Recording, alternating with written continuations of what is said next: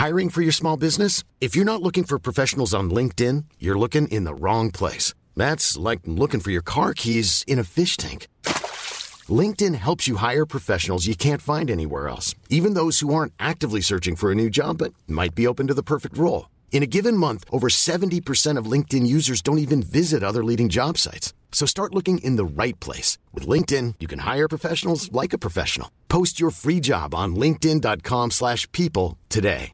Quality sleep is essential. That's why the Sleep Number smart bed is designed for your ever-evolving sleep needs. Need a bed that's firmer or softer on either side? Helps you sleep at a comfortable temperature? Sleep Number smart beds let you individualize your comfort so you sleep better together. JD Power ranks Sleep Number number 1 in customer satisfaction with mattresses purchased in-store. And now, save 50% on the Sleep Number limited edition smart bed for a limited time. For JD Power 2023 award information, visit jdpower.com/awards. Only at a Sleep Number store or sleepnumber.com.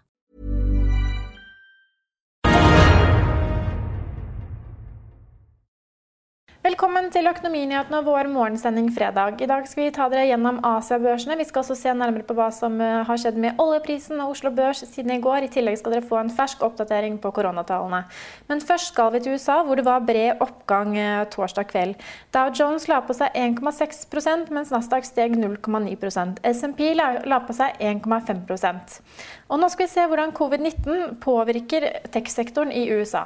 How will Silicon Valley change as a result of this? Will it not just become bigger, but will people change what they do and how they operate these technology companies? You know, it's interesting that in my career, Silicon Valley has changed dramatically.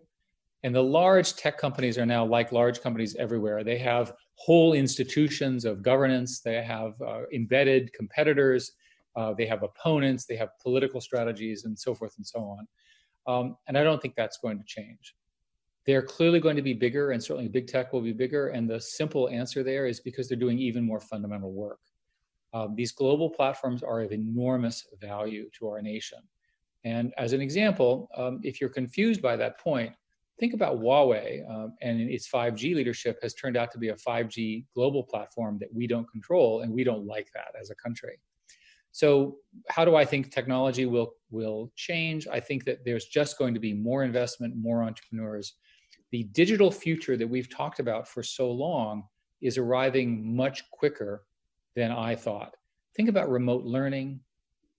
Just imagine what the world be like. Do you really need to go? Uh, another example for stores. Don't you think that online and offline are going to get a lot more blended together? Makes sense to me. Vi skal videre til Asia. I Japan endte Nikki 225 opp 0,6 i dag, mens den brede Topix steg 0,5 Hang Seng i Hongkong falt 0,1% mens CSI 300 endte ned 0,3% vi ser at oljeprisen stiger noe i, siden fra torsdag til fredag. Akkurat nå er vi nesten oppe i 32 dollar fatet per uh, fat brentolje. Og vi skal høre hva oljeanalytiker i Pareto Securities, Nadia Martin Wiggen, tenker om oljemarkedet akkurat nå. Good morning, Nadia Martin Wiggen. You are an oil analyst at Pareto Securities. Um, today we see the Brent oil price climb to almost $32 per barrel. What has happened since yesterday? Well, the market has had time to react to an improving view in terms of oil demand that was led by the IEA yesterday. They revised up their second quarter expectations by 3.2 million barrels per day. We still see a decline of nearly 20 million barrels per day, um, as does the IEA. Um, but the situation looks much improved. We also had an actual stock draw in the US on Wednesday. And you know, now the perception is that refiners have continued to run. We are tight on product storage, but we're starting to see demand really come back and you know it takes time for this information to filter through the market.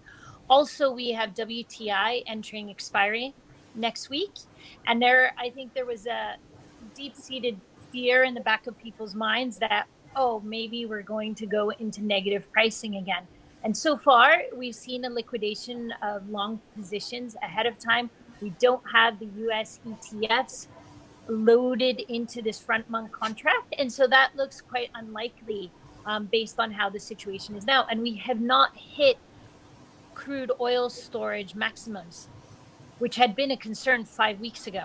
And so as a result, the market is relaxing a little bit, and that is allowing for a little bit of upward momentum. And we see good buying. Um, that has supported North Sea crude prices, for example, like on the actual physical differentials. So the situation isn't, you know, bullish in terms of, you know, are we going to $40 now? We we don't see that, but the market is functioning in this 30 plus dollar range and that is helping people relax, less volatility and, you know, we can move forward. So what do you expect for the following weeks then uh, to come up? Well, yeah, I mean, a big problem is that we have a lot of floating oil in storage off of the US held by Saudi Arabia. So, if that is suddenly delivered into the US market, then we see big stock builds again.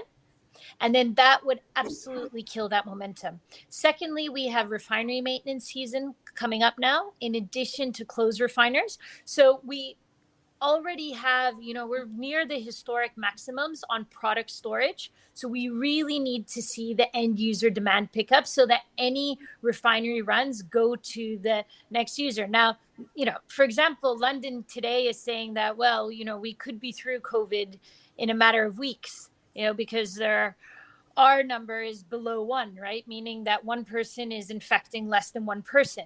So as a result of that, we can have this don't have a wave of reinfections that hits demand if that's how things continue and then we can really see that strengthening but there's a lot of risk um, not least in the us where the majority of the states that are reopening have not actually really flattened the curve yet Det var ventet at Oslo Børs skulle åpne opp i dag. Slik har det også blitt. Vi setter over til en børskommentar fra aksjestrateg i DNB Markets, Paul Harper.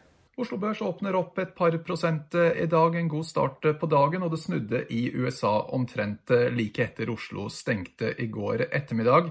Vi har fått tall i dag fra S-banken. I går kveld kom det tall etter børs fra Valenius Wilhelmsen og også AF-gruppen. S-banken opp rundt 6 nå ved åpning, bedre lånetap der. Valenius Wilhelmsen de hadde EBITDA 56% over forventningene. Guidingen var litt, litt på den svake siden, eh, syns vi, men eh, allikevel så er aksjen der oppe rundt 4% ved åpning. Og AF-gruppens tall syns vi var litt på den svake siden, eh, egentlig. Den åpner omtrent flatt. Men vi syns i sum at AF-gruppen så skal estimatene kanskje litt ned. Så av de tre som vi følger her, så er det egentlig bare én av de som var litt på den svake siden i dag.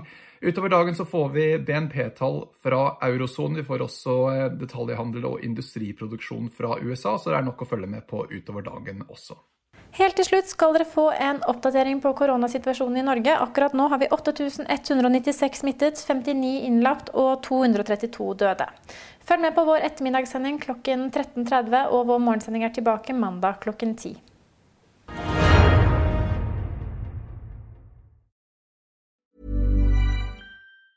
Hi, I'm Daniel, founder of Pretty Litter. Did you know cats tend to hide symptoms of sickness and pain? I learned this the hard way after losing my cat, Gingy. So I created Pretty Litter, a health monitoring litter that helps detect early signs of illness by changing colors, saving you money and potentially your cat's life. Pretty Litter is veterinarian developed, and it's the easiest way to keep tabs on your fur baby's health right at home. Go to prettylitter.com and use code ACAST for 20% off your first order and a free cat toy. Terms and conditions apply. See site for details. Hey, it's Paige DeSorbo from Giggly Squad. High quality fashion without the price tag? Say hello to Quince.